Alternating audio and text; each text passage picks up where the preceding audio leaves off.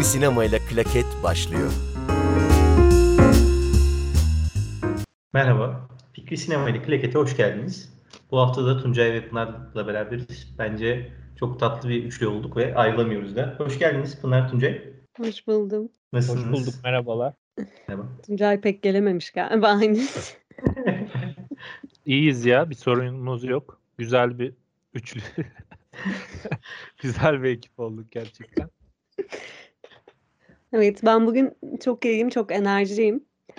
Ee, filmin de hiçbir şeyini okumadan geldim. Böyle marifet gibi söylüyorum.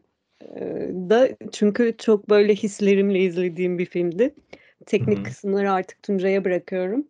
Ee, ben his kısımlarında konuşmak istiyorum. Peki hangi filmi konuşacağımızı söyleyeyim ben o zaman. Dünyanın en kötü insanı filmini konuşacağız. İngilizcesini söylemiyorum, protesto ediyorum. Norveç filmi. Norveç içerisinde söyleyemeyeceğim muhtemelen. Verandada bir kadın var, Menekşe gibi bir Norveççe ismi var. o yüzden o kısmı geçiyoruz. Biz Türkçesini söylemiş olalım. Peki. Ee, tabii Norveççesine bakın. Yeni anladım. Evet, Norveççesini görmeden espri çok anlaşılmayacak. Dinleyicilere de bir o kısma bakmalarını önereyim. Peki. Peki Pınar bir şey soracağım sana. Yine bir kadın hikayesi. Yine seninle beraberiz. Neden? Evet. Neden bu filmi seçtik? Bir anlatır mısın? Çünkü ben kadınlara bayılıyorum Ahmetciğim. Kim bayılmaz ki? Bu yüzden hep e, sabah akşam kadın konuşmak istiyorum. Podcast'lerde. Güzel güzel bir şeymiş. Güzel, iyi. Demetçim selamlar. Bana bayıldığını söylemedin sonuçta yani. Dövüşmeyelim. Yani Ha, evet Ben şimdi anladım. Pardon. herkes her şey bugün sonradan an. Müthiş IQ yüksek bir program. Daha da eğlenceli geçecek o yüzden muhtemelen. Ben zaten birazcık saatten de ötürü e, kafayı boşalmış durumdayım. Evet bir yine bir kadının e, bunalımlarını galiba konuşacağız ama bu sefer yönetmen e, kadın değil. Geçen seferkinin aksine. Ama yani kim sevmez ki Norveçli, e, İsveçli, Danimarkalı beyefendileri. Bu sefer gördüğünüz üzere geç kalmadan geldim. Böyle bir konu var diye. Kim sevmez ki kadın hikayeleri falan diyeceksin diye düşündüm bir an ama. Onu başta söyledim diye başka sevdiğim şeylerden bahsedeyim istedim. Evet Peki çok iyi. Çok iyi. arkadaşlar yanlış yanlış frekansta değilsiniz. Bu bir film konuşma e, programı. Birazdan geçeriz diye düşünüyorum benim kişisel zevklerimden sıra kalırsa. Bence gayet güzel. Okey. E, neden seçtiğimizi mi anlatmam gerekiyordu? evet. Evet. Sana zahmet. Çünkü e, biz ikimiz Tuncay'la bu filmi pek sevemedik. Anlayamadık da. Twitter'da da birazcık yazıştık. E, Ahmet de seyretmiş, sevdi. E, filmde de güzel şeyler de var aslında. Yani güzel derken konusu bakımından e, benim ilgimi çeken Ahmet ve Tuncay'a sormak istediğim sorular var. E, o yüzden de heyecanlanıyorum bu film üzerine konuşmak için. E, bir de böyle bir film izlersiniz biriyle ya biri izlese de konuşsak birlikte düşünsek kafa yorsak dersiniz. Öyle bir film olduğu için geçen podcastlerde de zaten konuşalım konuşalım diye ısrar etmiştim. O yüzden bugün teşekkür ederekten konuşuyoruz. Süper. Bu arada gördüğünüz gibi, dinlediğiniz gibi sayın dinleyiciler kaostan besleniyoruz. Ha, Ahmet de sevmemiş, o zaman konuşalım gibi bir karar almışız gibi oldu. Evet, seviyoruz tartışmayı.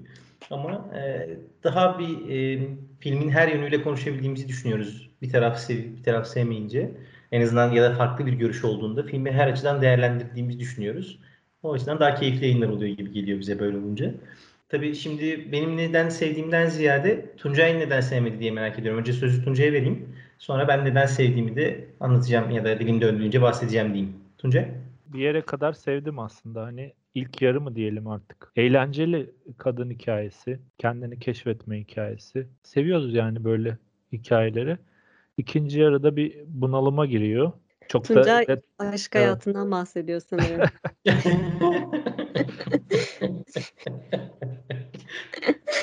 fil- filmi konuşamayacağız herhalde. Okey. Doğru diyorsun ama eğlenceli başlıyor benim de. Sonra İkinci yarıda İkinci yarıda evet olmamışlıklar e, olmuşluklardan daha çok oluyor. Ya ne- diyeyim bilemedim şimdi. E, bir Kuzey Avrupa filmi. Joachim Trier yönetmen. Bu da zaten ufak bir bilgi verelim. Üçlemenin üçüncü filmi. Oslo Üçlemesi diye geçiyor. Reprise Oslo 31 Ağustos. Ve bu da üçüncü film olarak. İlk ikisinde de yine başrolde Anders Danielsen Lie vardı. Canım yani evet yakışıklı bir arkadaşımız. Bence diğeri daha iyiydi tabii. Aldattı ama yok artık. katılmıyor musun? Pınar?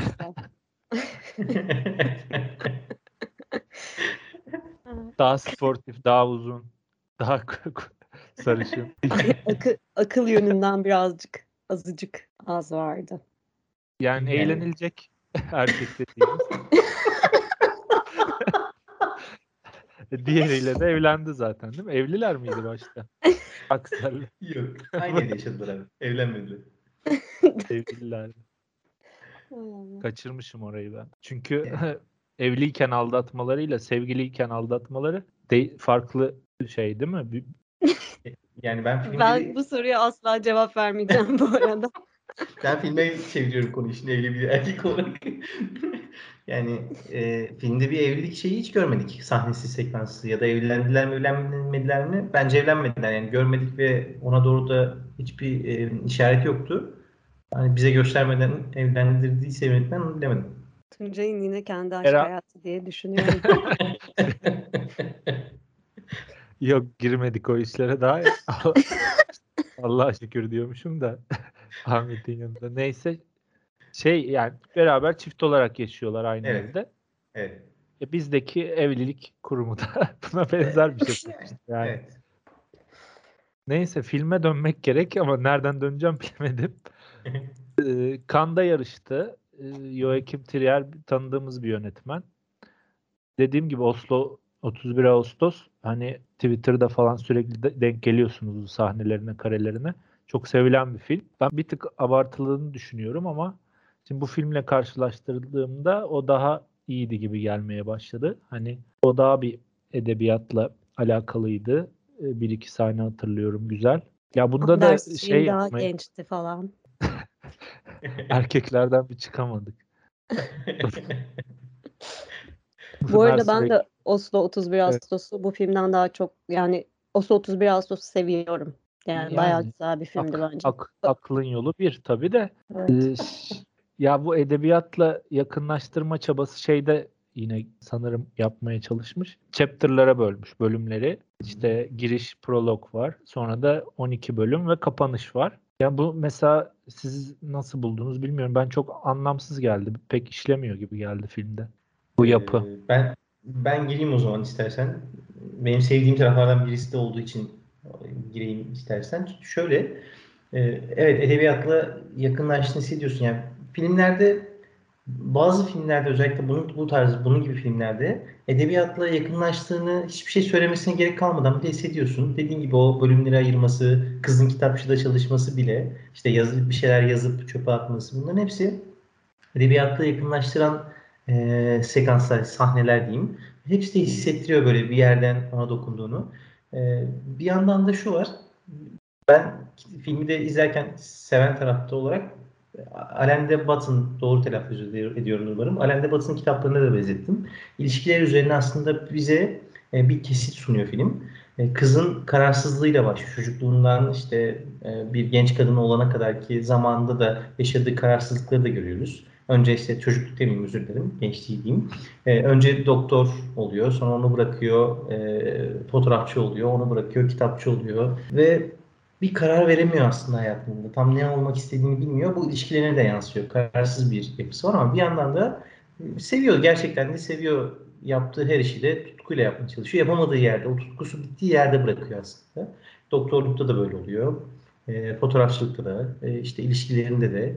Ve bunu çok güzel aktarıyor. Aslında filmin başında, ikinci yarısında o sevmediğimiz yerin göndermesi var. Yani filmin ilk yarısında daha doğrusu ilk sahnelerinde kızın nasıl bir karaktere sahip olduğunu öğreniyoruz. Zaten bakışlarında bile o kararsızlığı da o kadar güzel veriyor ki ben çok beğendim bu arada oyunculuğunu. E, Renade'nin doğru telaffuz etmişim umarım. E, Renade'nin oyunculuğunu. Gerçekten o kararsızlığı ve o özgür ruhlu kişiliği çok güzel vermiş bakışlarıyla, oyunculuğuyla. E, bu açıdan yani ikinci yarı evet ilk yarıya göre düşüyor. Oraya bir hastalık e, giriyor. İşte daha duygusal, daha e, dramatik bir yapıya bürünüyor film ama toplamına baktığımızda çok e, güzel ilişkileri anlatan, insan e, duygularını, insanın kararsızlığını, insanın e, istemediği bir e, ilişkinin ya da istemediği bir yerin, istemediği bir oluşumun neyse o, onun içinde olduğunda sıkışmışlık duygusunu o kadar güzel veriyor ki kızın mutlu olduğunda, e, tutkuyla yaklaştığındaki yüzündeki gülümsemenin e, tam tersine döndüğü an, duyguları tam tersine döndüğü an yüzündeki o gülümsemenin solduğu tarafta bu sefer çok kötü bir cümle kurdu ama anlaşılmıştır umarım. Yani tutkuyla yaklaştığı an yüzüne vuruyor, tebessümüne vur, vuruyorken tam tersi o tutkusu bittiği an bakışlarında bile o ışık sönüyor ve onu o kadar güzel yansıtmış ki benim çok hoşuma gitti. Diyeyim. Daha da devam ederiz ama Pınar'a buradan sözü vereyim. Ee, hem oyunculuğundan, Renade'nin oyunculuğundan bahsetsin hem de edebiyat ilişkisine biraz da sen değinmek ister misin? Ya bölümleri ayırması bende çalışmadı Tuncay gibi. Eee, sadece ilk bölüm belki bir anlamlı olabilirdi giriş anlamında. Eee, çünkü orada anlatıyor hızlı hızlı kadının nasıl biri olduğunu, eee, karakterin. Orada belki birazcık çalışmış. Diğer yerlerde şu an hatta bir yandan arkadan bakıyordum bölümlerin adı neydi falan diye. Emm, hiç, hatırlayamadım bile. Yani müthiş bir katkı yaptığını söyleyemem açıkçası. Eee, söylediklerine de katılıyorum. Kadın biraz böyle her şey hakkında kararsızdı. Belki de filmin canımı sıkan yönü yönü buydu galiba. Yani bir insanın hayatını izlesek herhâlde kişisel olarak açıkçası ben kadın gibi hissettim. Yani o kadınla özdeşleştim. Çünkü, işte, benim de böyle bir okul bırakma bilmem ne maceram var ama yani kadın medikal ya tıp okumayı bırakıp sonunda kitapçı oluyor. Biraz böyle bir şey kalıyorum yani. Eee, diğer adamı da Aksel'i de bırakıp, işte, ya 30 yaşında mantar içmeyi falan, yani mantar yemeyi deneyimleyip, eee, yükseliyor vs. Böyle bir tuhaf bir olmamışlık vardı yani kadında. Belki de bu yüzden böyle gerçek hayata çok yaklaştığı için canımı sıktı film. Emm, kadını ekstrem yani bencil buldum, eee, izlerken. Eee, sevmeme yönlerim filmi tamamen duygusal, eee, bu arada. Yani kadının yaptığı hareketlere çok kişisel bir yerden o yüzden dedim, eee, podcast'ın başında da, eee, duygusal yönden konuşmak istiyorum diye. Eee, çok kişisel bir yerden eee, sinir oldum tüm film boyunca. Eee, sen dedin ya tutkularıyla hareket ediyor diye. Evet, tutkularıyla hareket ediyor ama, eee, yani yetişkin insanlarız. Eee, bizim tutku duyduğumuz şeyler başka insanların hayatını etkiliyor bir yerde. Eee, iletişime geçtiğimiz insanların. Filmde de böyleydi. Eee, ve, çok bencilce, saygısızca sadece ben, ben, ben diye davranan şımarık bir kadın karakter vardı benim ben böyle algıladım yani filmde. Aksel'den Aksel'den ayrıldığı için mi böyle konuşuyorsun? Doğru söyle. Sinirlenmişsin, kurulmuşsun kadına belli yani. Türkiye aile yapısına uymaz gibi bir yere gidiyor konuşması. Bu hareketler falan. Aldatmalar. Şeyde de yazacaktım ben. Twitter'da zaten uzun bir flüt yaptı. Filmi izlerken. Pınar'ın meşhurdur. Evet. Filmi izlerken yapar. Biz de onunla beraber izleriz. Ya orada da söyleyecektim. Hani çok muhafazakar bir bakış gibi geldi bana bu. Benim sorunum orayla değil bir kere. Hani aldatma mevzusuyla ilgili değil. Çünkü, eee, evli değiller diyeceğim. Evli mi olmaları lazım diyeceksin ama kaç yıllık ilişki falan olduğu Yani verib Bu müthiş bir cevap ya gerçekten. Müthiş bir cevap. Yani evli ol yani imza atmadıkları için devlet baba tamamdır bundan sonra demediği için aldatabilir. Müthiş. Tuncay'la iletişime geçecek herkese buradan bir uyarı niteliğinde bir kayıt. Benimki de çok fazla geniş oldu. Arayı bulmak lazım. Arayı bulmak lazım. Şuradan toparlayayım. Yani ilişkilerin Yo, adaya yo. Bırak Bence kalsın. Yoksa Eskişehir'in her yerinde fotoğraflarını görebiliriz yani bu adama bulaşmayayım falan diye. Bence toparla. Hayır, şunu söyleyeyim önce o mevzulara girmeden. Julie, Julie di- diye mi okunuyor karakterin ismi? Evet. Bir, bir gün yolda giderken bir partiye rastlıyor. E, düğün müydü? Ev partisi mi artık tam hatırlamıyorum. Düğün Bir anda dönemi. eve giri eve Evet. giriyor. Mesela orayı çok beğendim o sahneyi. Sonra da diğer oğlanla tanışıyorlar. Eyvind mi ismi? Of. Daha ya- Troll- daha yakışıklı ol- daha yakışıklı olan o- oğlan daha Evet. yakışıklı olan daha uzun olan oğlanla tanışıyor. Ufak bir e, flört geçiyor aralarında. İşte sonunda da hani bu aldatma değildi falan diye anlaşıyorlar. Ben bu sahneyi beğendim mesela. Sonrasında kitapçıda mı karşılaşıyorlardı? Orayı da sevdim. Ee, oğlanın sevgilisi vardı hatta yanında değil. Hayallerin Ben- galiba. Doğru doğru. Evet. Hani bir partiye rast gelmek, bir kadınla tanışmak. Evet sevgilimi aldatmak. Orada. bu da bir, bir fantezi bu da. Ama Türkiye'de pek mümkün değil ya. Ev partisi bulamıyoruz. Neyse devam edeyim. Pınar çok manipülasyonların bittiyse Pınar.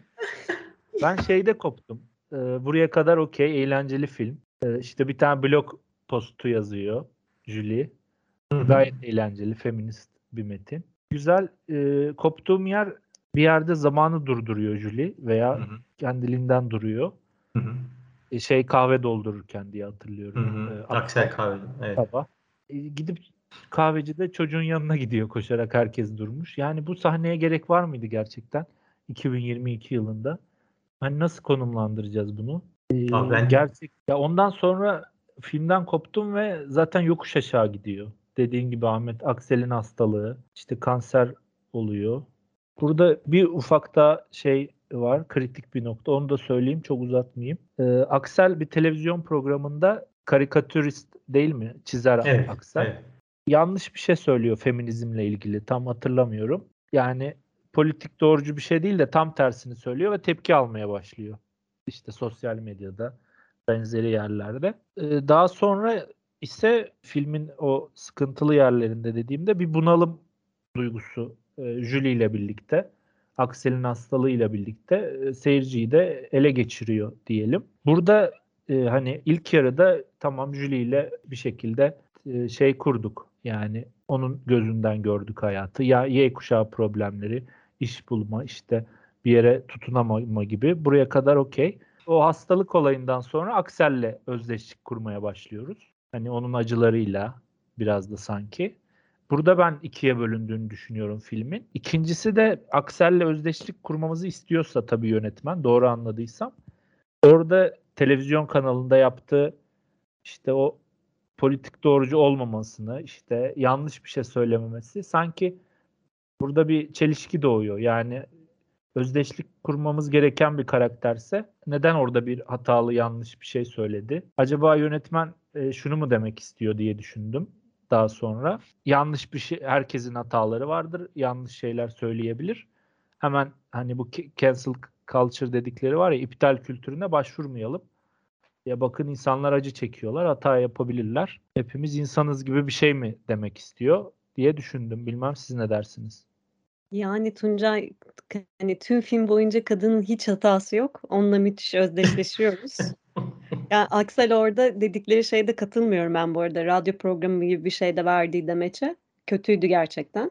Yani orada onu yaptı diye bir an özdeşleşemiyoruz onunla öyle mi? Burada burada anlaşamayız işte.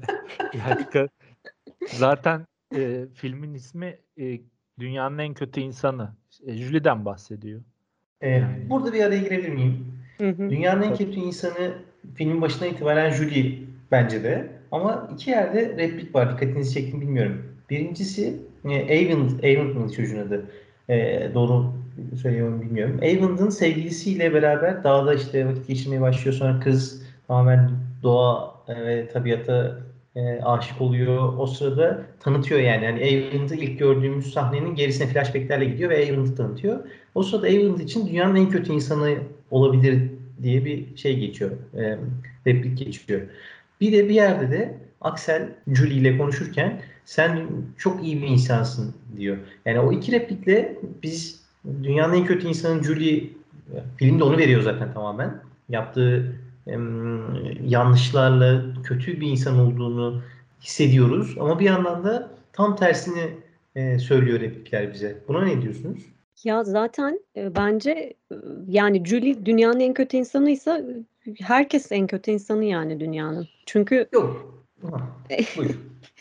bence şu anlamda söylüyorum herkes kadar yanlış yapıyor, herkes kadar Hı hı. doğru yapıyor. Yani Julie ne kadar kötüyse bir yerde de Axel de o kadar kötü. Axel'in de baskıları hani tuhaf bir e, maskülenlik demeyeceğim buna da hani toksik bir şekilde böyle bir hakimiyet kurma isteği, dünyayı kendi etrafında döndürmesi öyle şeyler var yani. Belki filmi Axel'in bakış açısından iz- izlesek dünyanın en kötü insanı Axel olacak. Bravo. Yani, Demek evet. istediğim buydu. Bence ironik bir şekilde zaten öyle koy, e, yönetmen o ismi koymuş. Yani dün, tabii ki Julie dünyanın en iyi insanı değil de hani birini yeteri kadar tanırsak herhalde ona dair mutlaka iyi ve biraz da kötü şeyler bulabiliriz anlamında söylenmiş gibi geldi bana. Bir yerde de şunu hissediyoruz aslında. Kendimizi jüriyle e, özdeşleştirdikçe onun e, mesela verdiği tepkileri de anlayabiliyoruz. İşte e, mesela ayrılmaya çalıştığı sırada aslında hiç problemi yokla yokken Aksel'de bir anda problemleri e, hatırlıyor. Yani daha doğrusu geçmişte problemleri var ama idare edebileceği problemlerken, mutluluğunu bozmayan problemlerken o problemlerin hepsini bir seferde söyleyip ayrılıyor. Sonra tam tersi Avon'dan soğuduğu zaman da yine o bütün problemler geliyor ve suratı düşüyor, kötü davranıyor. Aslında olur yani bazen bir şey yaparız ve kendimizi bir anda kötü hissederiz. Dünyanın kötü, en kötü insanı hissetmeyiz belki ama kötü hissederiz yani. Bunu niye yaptık diye de hissederiz. Belki o dünyanın en kötü insanının altında o bu ismin altındaki ironi ya da vermek istediği şey bu olabilir. Hepimiz aslında biraz dünyanın en kötü insanıyız bazı yerlerde, bazı yaptıklarımızla. Bence buna gönderme diye düşünüyorum. Bence de kesinlikle. E, Tuncay'ın dediği şeyden e, söyleyeceğim noktada şuydu. Hani bir anda işte zaman durdu, hareket Hı hı. durdu, koşmaya başladı. Ya film gerçekten şu benzetmeyi yapmak istiyorum. Çünkü izlediğim ilk andan beri aklımda bu var. Yani film açık büfe gibi ve biz de böyle bir e, böyle tatile gitmiş insanlar gibiyiz. Kocaman bir tabağı elimize almışız ve her şeyi açık büfeden doldurmuşuz. Yani filmde cidden e, komik ama söyleyeceğim hani kısırla yoğurtlu bir şey birbirine değiyor. Yani öyle bir film. Yok işte zamanı durdurma da var. E, ne bileyim işte bir yerden feminist tartışma da var. İşte bir yerden edebiyat var. Bir yerden başka bir şey var. Böyle filmde her şey var. O yüzden de artık böyle yani ne oluyoruz şimdi neredeyiz gibi bir şey oluyor yani filmde. Ben o zaten ya şey var durduğu ek, anda ek olarak söyleyeyim Pınar pardon Aha. bölüyorum. Mesela o, o mantar yediklerini sahneye de hiç gerek yokmuş ay mesela. gerçekten o zaten Halının apayrı falan yani. tutulduğu sahne çok kötüydü yani. Evet hiç neye de hizmet yani bir de neye hizmet ediyor hiç bilmiyorum anlamadım da belki biz anlamadık.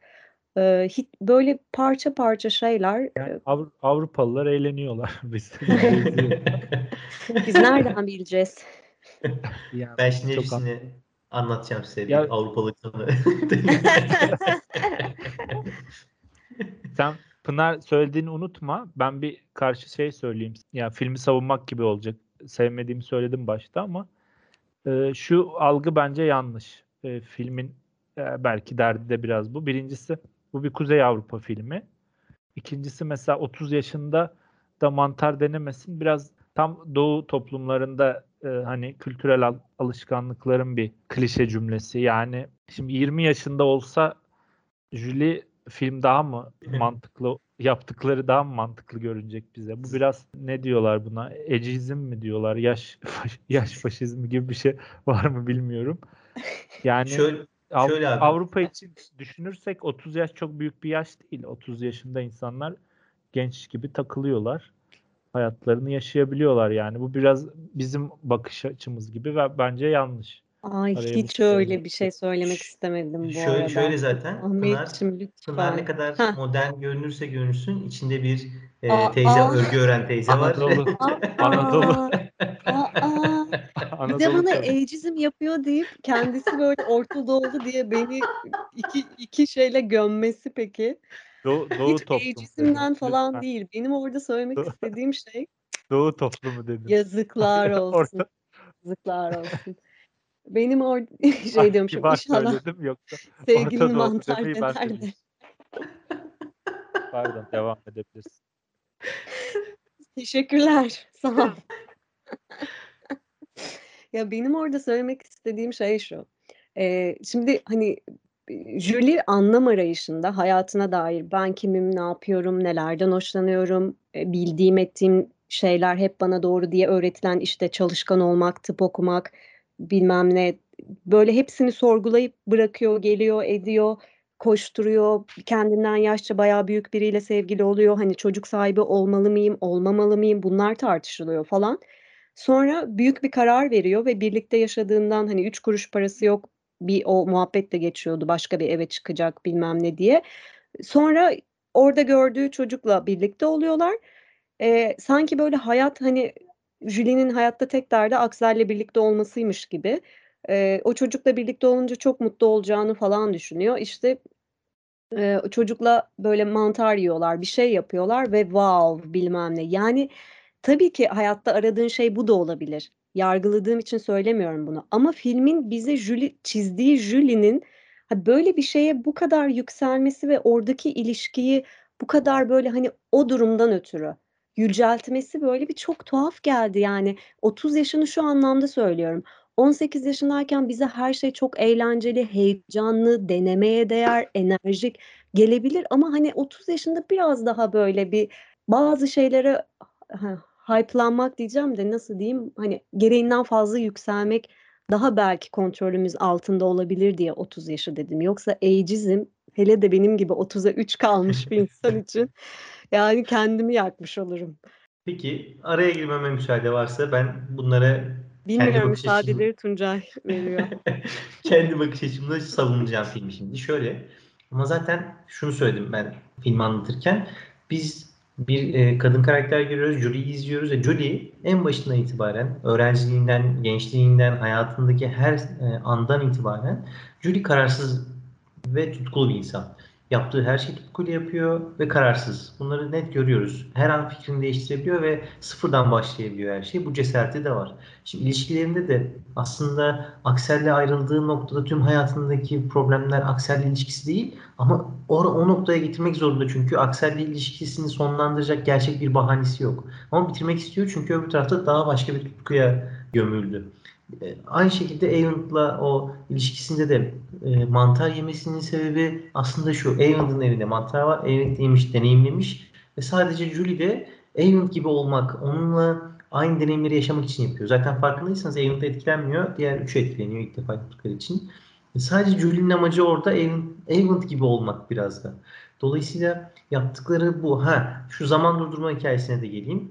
İlk zaman durduğu sahnesini gördüğümüzde ben de bu ne ya ne gerek var dedim ama zamanı Julia'da e, şey durdurmuyor. Avent durdurmuyor. Aslında zaman duruyor. Bu bir bu bir ironi gibi ya da ironi demeyeyim bunu ama nasıl diyeyim? Neyse kelimeyi bulamayacağım muhtemelen şimdi.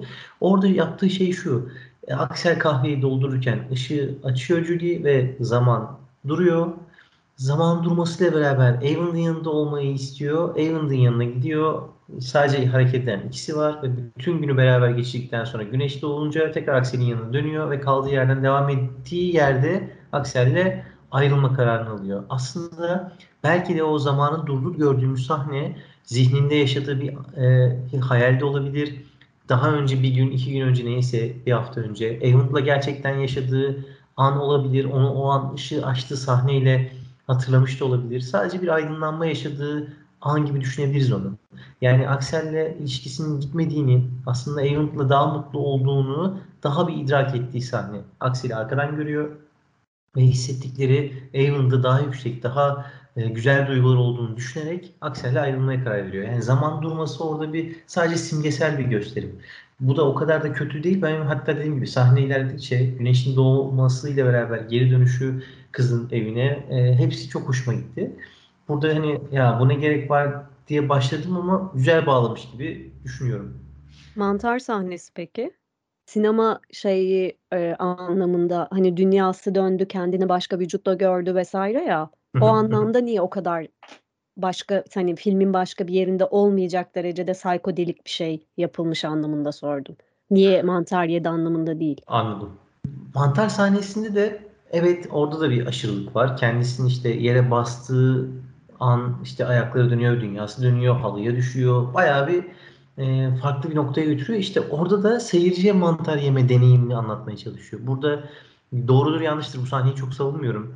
Yani o o kadar e, abuk anlatımı ama yine de e, yapmaya çalıştığı şey Julie'nin gözünden biz Julie ile kendimizi özdeş, özdeşleştiriyoruz. Julie'nin gözünden izliyoruz her şeyi. Julie gülünce, gülünce gülüyoruz, ağlayınca ağlıyoruz neredeyse. O noktaya getiriyor bizi yönetmen ve orada Julie'nin deneyimlediği mantar e, hikayesini de bize deneyimletiyor. Bak mantar yediğinde böyle olabiliyor diyor. Sadece gösteriyor.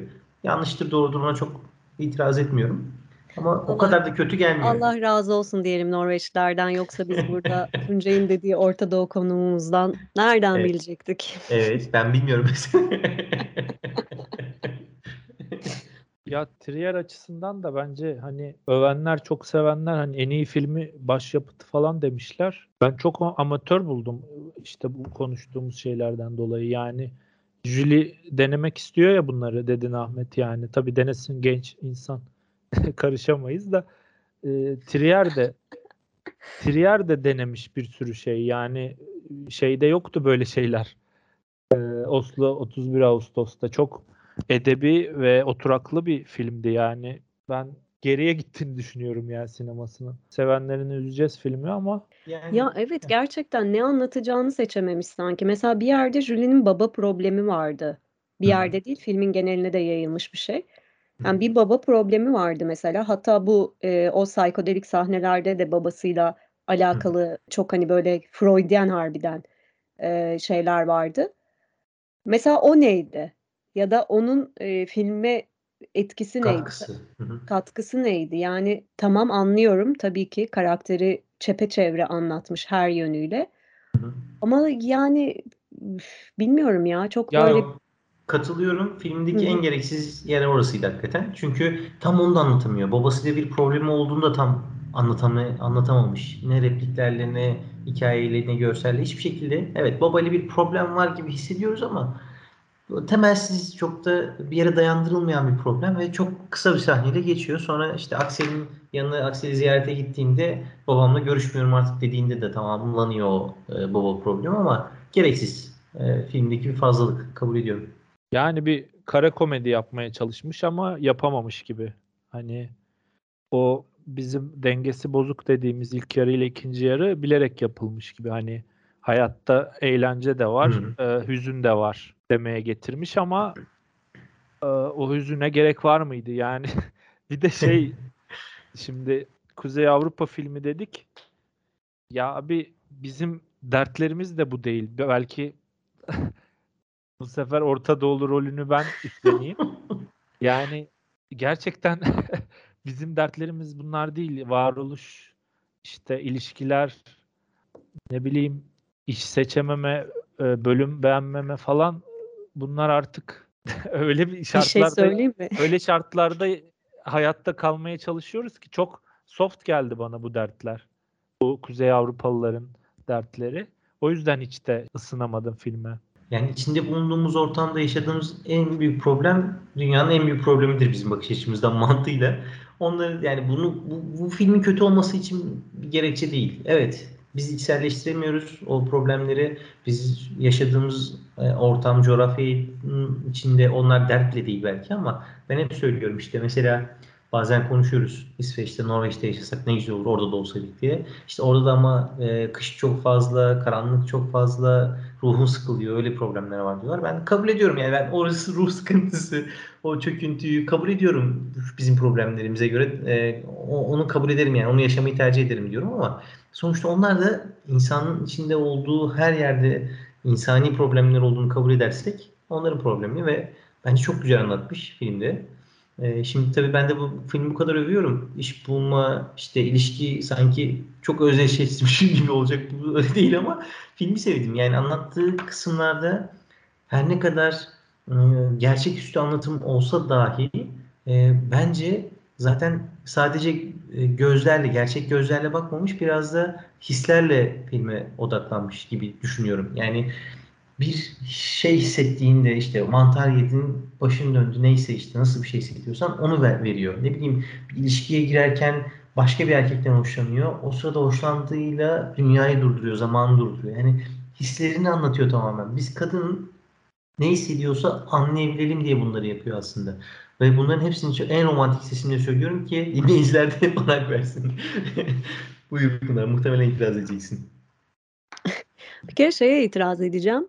İtiraz etmek değil de daha doğrusu böyle başka bir yönden bakmak. Daha bugün gördüm işte İzlanda'da ev içi şiddeti e, azaltmak için e, onların devleti işte başka başka böyle e, yöntemler denemeye başlamış ve işe yaramış vesaire. Aslında e, biz burada yaşadığımız için çok boğulduğumuz için sanki e, Kuzey Avrupa ya da işte genel anlamda Almanya vesaire sanki böyle günlük güneşlik hiç dertleri yokmuş gibi geliyor ama İzlanda bile ev içi şiddete karşı önlemler alıyorsa bazı problemler herkes için var demektir diye e, güzel memleketimizi güzel memleketimizin arkasında duruyorum falan diyormuşum. E, şeyde bu podcast bölümü niye böyle oldu bugün? Hayır şunu şunu da söyleyeyim o zaman. Tam bir CHP tezisin gerçekten. Ya. Yani parti ismi de veriyorum ama artık yapacak bir şey yok. Çünkü ne zaman bir şey söylesek yani sen böyle İzmir CHP kadın kolları. saçlarını perma yaptırdığı an aynen öyle olacak. Neyse. Evet. Evet. Devam et lütfen. Siz istiyorsunuz ki ben yaşadığım yeri yeriyim. Ya e, filmin sevdiğim yönleri şuydu. Gerçekten e, mesela ne bileyim mansplaining'den falan o kadar böyle hayatın içinde doğal e, arkadaşların bir gittiği tatilde bahset yani konuştuğu bir şey olarak bahsedilmiş ki bazı feminist konular da öyleydi filmde. Çok hoşuma gitti gerçekten. Yani göze batmayacak şekilde e, hani al işte bak bu da böyledir deyip böyle didaktik olmayacak bir şekilde çok doğal vermiş yani. O çok hoşuma gitti. Keşke biz de filmlerimizde gerçekten ama hani feminist filmlerimizde de değil.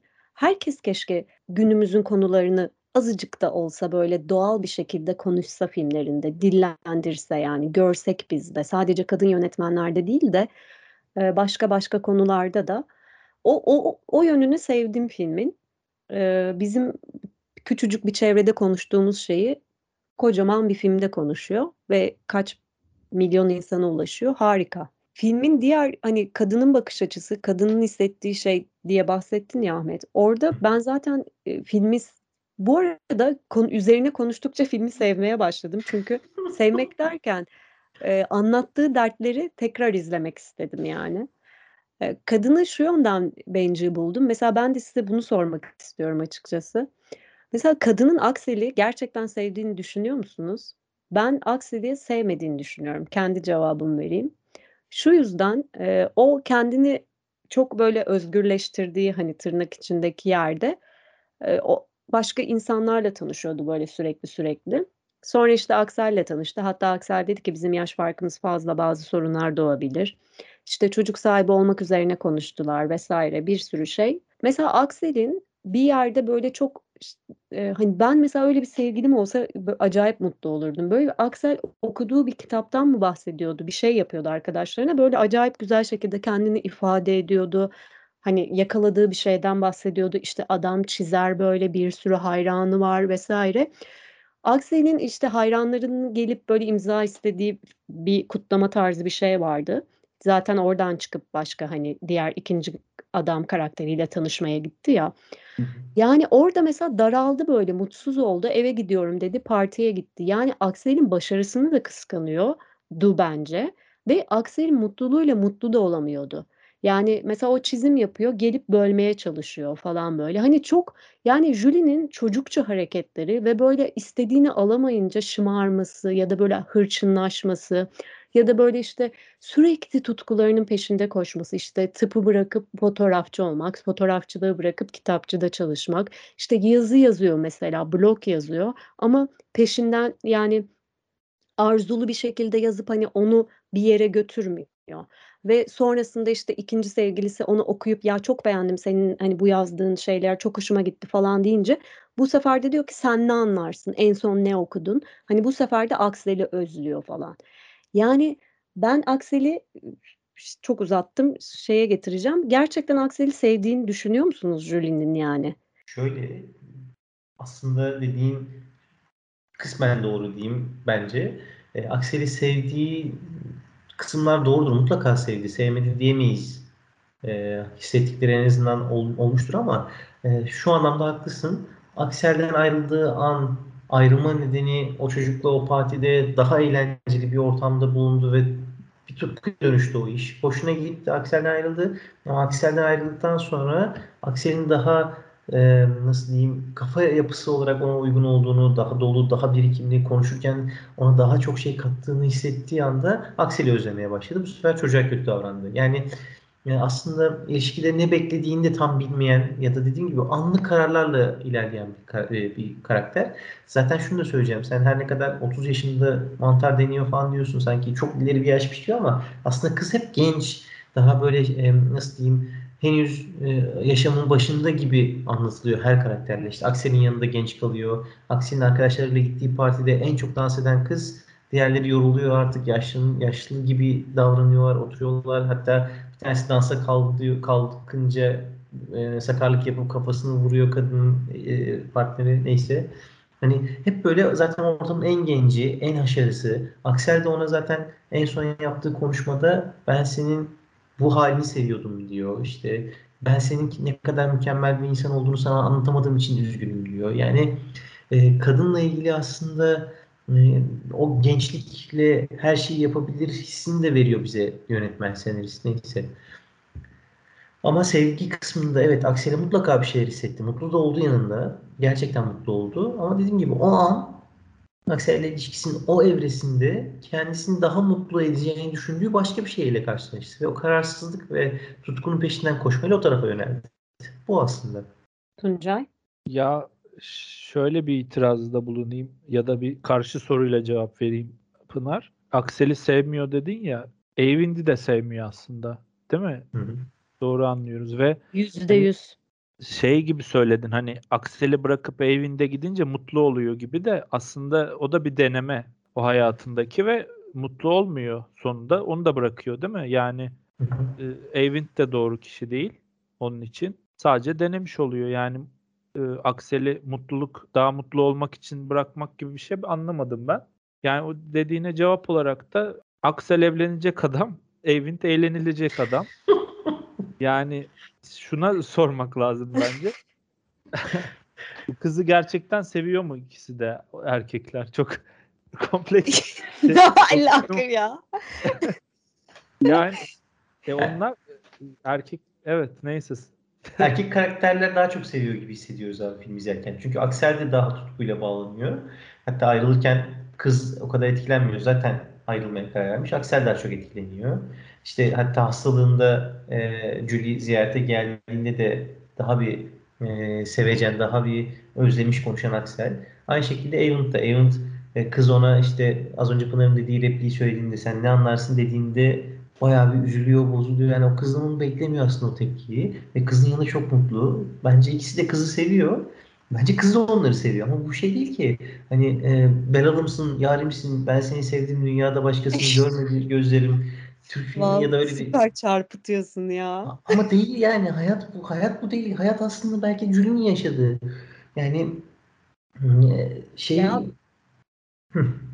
Benim e, söylemek Ahmet- istediğim evli bir erkek olduğunu burada kısa bir not Evet olarak. ya Pınar, Pınar benim üzerime daha fazla gelirse yok yok.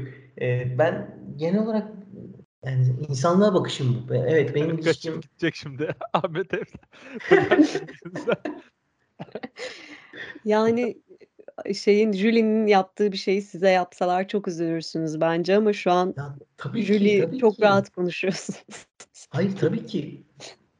Hiç itirazım yok ama dediğim şey ama bu. Hayat zaten bu. Hayatta senin başına o gelebilir yani. Julie'nin yaptığını biri bana yapabilir ve ben çok üzülebilirim. Gerçi ben şunu söylüyorum. Ben Julie'nin bana yaptığını yani beni aldattığını anlasam bu kadar da üzülmem. Demek ki tamam yani beni istemiyor derim. Ben bu kadar net bakıyorum. Ama e, mutlaka bunların hepsi hayatın içinde var. Evet Julie kadar kararsız, Julie kadar belki e, bunu dramatikleştiren karakter bulmak kolay olmayabilir.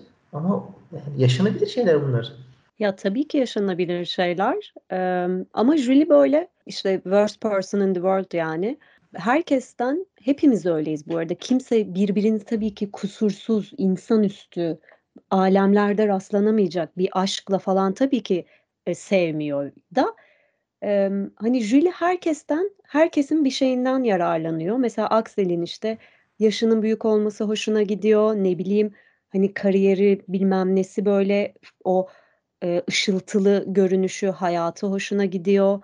Belki şeyi tartışmayı bile tartışmak bile hani Axel'in onunla birlikte bir hayat kurup çocuk sahibi olmasını istemeyi tartışması bile onu hani böyle bir koltuklarını kabartıyor belki. Sonra işte bir yerde sıkılıyor artık ondan, eee, ve böyle yetişkin olmanın, eee, verdiği bir daraltıyla mı diyeyim artık. Bir de Axel'in gerçekten hayattaki o büyük varlığı ve büyük hakimiyeti onu ona oyun alanı bırakmıyor artık. O ondan aldığı şey, eee, psikolojik şey yapıyormuş gibi hissettim kendimi, analiz. Ondan aldığı o zevk şeyi tükeniyor. Bu sefer Axel'in tam zıttı bir karakter. Böyle hayatının gidişatı nerede, hani, çok da belli olmayan, eee, birin daha genç birine gidiyor ve orada mesela şey cümlesini, eee, hatırlarsınız belki. Çocuğun eski sevgilisini böyle, eee, Instagram'dan stalklayıp, hı. Hı hı. eee, böyle şey dedi, "Ben seksi olmayan ama makul olan kişi ol olmak istemiyorum." gibi bir şey söyledi. Yani o çocuk için de, eee, sevgilisini bırakıp onu tercih etmesi, işte, böyle çok, eee, böyle hayali bir şeyler yaşamaları o akşam. Hani, böyle bir hep sınırlarda gezmek her zaman daha cezbedici bir şeydir ya. Ben o sahneleri izlerken açıkçası böyle bir şey oldum yani. İçim kımıldadı. Hani, yatakta yan yana oturuyorlar. Böyle aralarında bir sınır var ama hep böyle sanki bir saniye sonra aşılacakmış gibi. O, hani, hı. sexual tension yani cinsel gerilim böyle bir insanı tabii ki hayatta tutuyor ve oraya gitme sebebi de o zaten. Ama bakıyor ki eski sevgilisi ondan daha seksi, hani, kendi kafasında düşündüğü şekliyle. Bu sefer de ona öyle bir cümleyi söylüyor. Sonra işte o mantar denemeleri, genç genç takılmaları, bilmem neleri, işte, böyle o bittikten sonra da, hani, sonsuza kadar mantar yiyip kafayı bulamayacağı için bu sefer de çocuğun salak olması, görece salak olması, salak demeyeyim de biraz daha az eğitimli olması diyeyim. Bu sefer de o gözüne batıyor. Yani tamam, tabii ki farklı şeyleri deneyebiliriz. Tabii ki eee, her ilişkimizde farklı yönlerden tatmin olabiliriz. Farklı yönleri bizi çekebilir ama etrafında da insanlar var be kızım diyormuşum. Ben ben Yani ben şey şöyle son şunu evet. hemen söyleyip kapatayım Ahmet. Ya bir de o kadar yani böyle sinir kaldıracak kadar bencil ki hamile kaldığında da yani çocuk istemediğini defalarca söylediği kanser adamın yanına gidip "Ben hamileyim, lütfen bana iyi anne olacağımı tekrar söyler misin?" diyor. Gene bak kendini doyurma şeyi. Adamdan onu alıyor. Adam vefat ediyor, cenazesine gitmiyor mesela arkadaşı haber verdiği hâlde. Yani, hani, bir bencilliğin son noktası bir karakter. Hı hı. Delirtti izlerken açıkçası. Ben şöyle ufak bir yorum yapacağım. Tuncay bir şey diyecekti galiba ama şunu söyleyeyim. Aksel Pınar'ın yanında olsa evlenir. Evren'de de kum olarak alır. İkisini ömür boyu bırakmaz. Kız onlardan ayrıldı diye tepki koyuyor. Ben filmi böyle yorumluyorum. Pınar'ın bakış açısıyla. Neyse Kıskanıyor, buyur. Evet abi. Net. Bir Çok tane net. güzel oğlan. Çok net abi. Evet. Kim Sen bulduysa söyle. Bu bu program ilişki programına doğru gidiyor ama ilişki Dur şunu da söyleyeyim o zaman sana şey yapmadan. Hadi, eee, hatta, eee, Alain de Botton Batı'nın kitaplarına benzetiyorum dedim ya. Eee, "500 Days of Summer" diye bir film var. Hatta bizim Türklerin ya da Türkiye'lilerin en çok, eee, yanlış söylediği "500 Days of Summer" dediği film. Onda da benzer bir şey vardı hatırlıyor musunuz? Kız bencildi, kız ilişkileri, çocuk o kadar aşık olmasına rağmen onun gibi değildi ama çocuk aşıktı yani. Kızın bakış açısı o değildi. O filmi de izlerken ya da severken, "Ay ya kız ne kadar bencil." dedik belki ama sonuçta insani duygularını sevdik. Çocuğun aşık olmasını sevdik. Kızın o kadar aşık olmamasını sevdik. Neyse. Bu da öyle aslında. Acaba erkek yönetmen anlattığı için mi böyle? Yani mesela The Olabilir. Lost Daughter'da da vardı bir bencillik ama sanki bir tık daha böyle özdeşleşebileceğimiz bir bencillikti. Neyse ben bunu kendi içimde sorgulayacağım. Yo, hak bak çok güzel bir soru sordun. Acaba ben de Lost Daughter'ı o yüzden mi sevmedim? Olabilir. Belki de bu anlatım bana daha yakın geldi erkek olduğum için. Kadın bakış açısıyla anlayamadım belki o filmde. Çok güzel söyledin valla bravo. Ya bir şey daha sorayım Pınar sana. Bugün çok birbirimize soru sorduk. 40 dakikayı falan da açtık kayıtta herhalde ama. Evet. Peki sizce feminist bir film mi bu? Yoksa Evet. feminist görün feminist görünmeye çalışan bir film mi? Hadi bakalım. Bir 10 dakikada buradan gelir. Şaka yapıyorum. Buyur Pınar. Ya Ee, mesela karşılaştırma yapayım madem bir yorum olarak sonra devam edersiniz. Fransız A'ya çok benzeyen bir film. Bağım bakın. Ben Fransız A'yı daha çok beğenmiştim. Bayağı olmuş bir filmdi. si- Siyah beyaz. Hani onda da koşu, koşma sahnesi vardı. Son dönemde bu koşma bir yere koşma çok fazla karşımıza çıkmaya başladı. Çok hoşuma gitmiyor abi. Neden neden nereye koşuyorsun yani bir kelam gibi. Ben Hayır, son etkile, çıplak vatandaşta da şey her şey koşuyordu aklıma o geliyor. Buyur abi. Türkiye sinemasında pek yok mesela oraya buraya koşan. Biz alışık değiliz. yani neyse Fransız'a daha iyiydi bence. Hani çok benzer filmler. Onu da erkek yönetmendi ama beraber yazmışlardı galiba Greta Gerwig'le. Senaryoda vardı diye hatırlıyorum. ama evet oyunda- vardı. E, Bir de bir tık Fleabag geliyor. Hani feminist bakış açısından ama buradan Pınar devam etsin. Herhalde seviyordu Fleabag'i. Ben anlamadım şeye Francis A'ya nereden benziyor? Ya o da 27 yaşında bir karakterdi. İşte iş işe tutunamıyordu. Ee, New York'ta yaşamanın zorlukları falan filan. Yaş e, aralığı benzer. Hani Ha.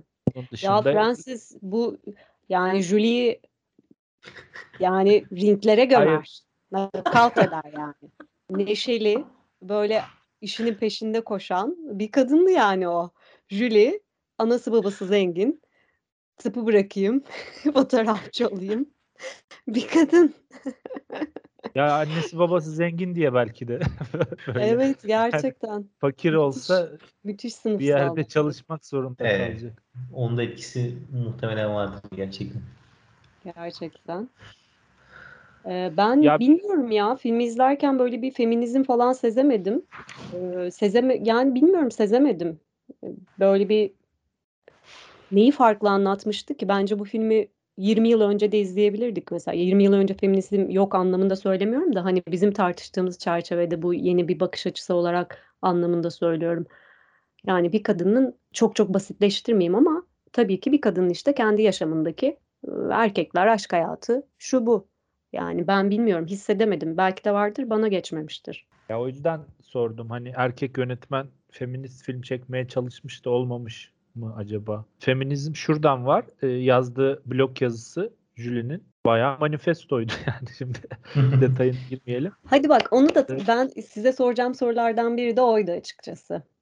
Mesela orada yazdığı Hadi ayrıntı da- hakkında ne düşünüyorsunuz? Biraz Ne? bu podcast'i böyle bir e, yere kaydırabilir miyiz? Tabii. Bilmiyorum yani Kaydıramayız. Kaydıramayız.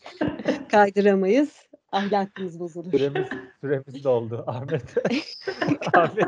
Kapat kapat. O zaman teşekkür ediyorum deyip böyle kapatıyormuş hakikaten. Buradan sonrası artı 18 aile e, şeyine Şey takılıyor. yapalım.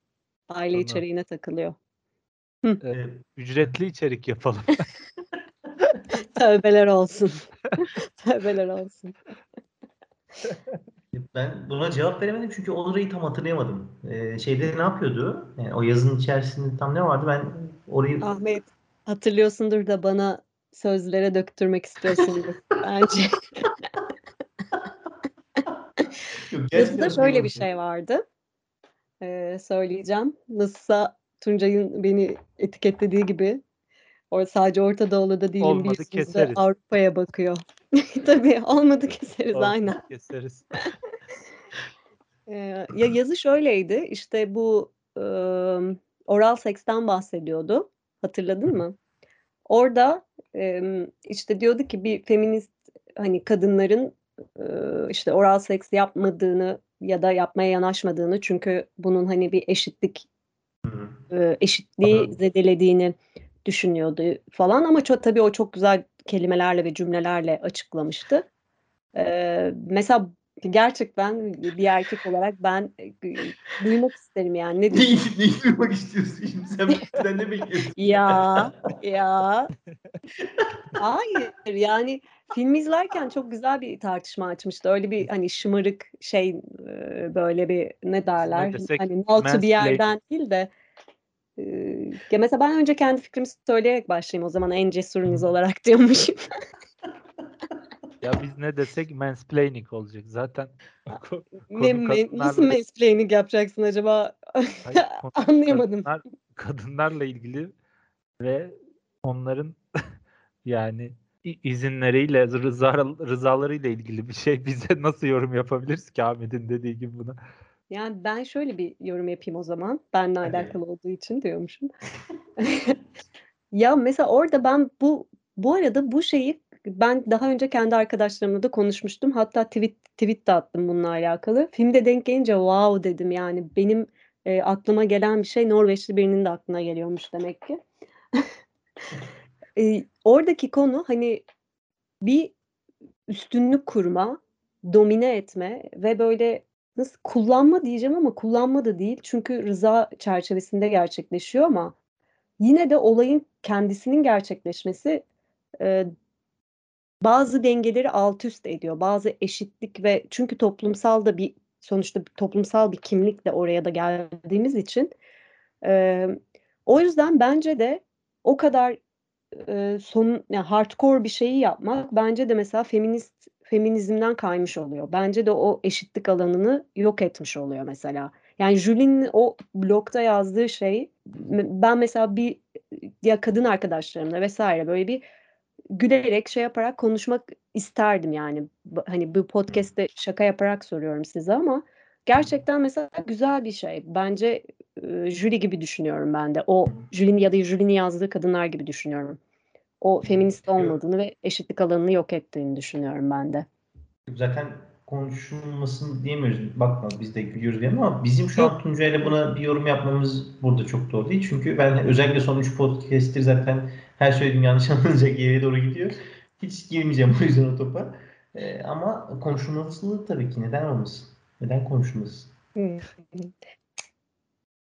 Bu arada burayı kesebiliriz yani filmde bahsi Yok. geçti diye sordum. Bence komik bir tartışmaydı. Öyle bir hani kendinizi gergin vesaire hissettiyseniz tabii Yo, ki keselim yani. Yo mesela neden feminist dedim film? E, Bu feminist bir ekleme işte.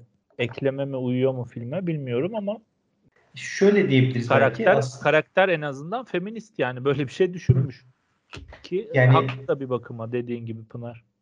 İkinizin söylediğini destekleyecek bir şey söyleyeyim bu sefer. Evet, film tam bir feminizm eee, düşüncesiyle bize bir şey vermiyor. O düşünceyi yansıtmıyor. O da aslında Pınar'ın söylediği o karman çorman şeyin içinde bir parça. Arada feminizmden de bir parça katıyor.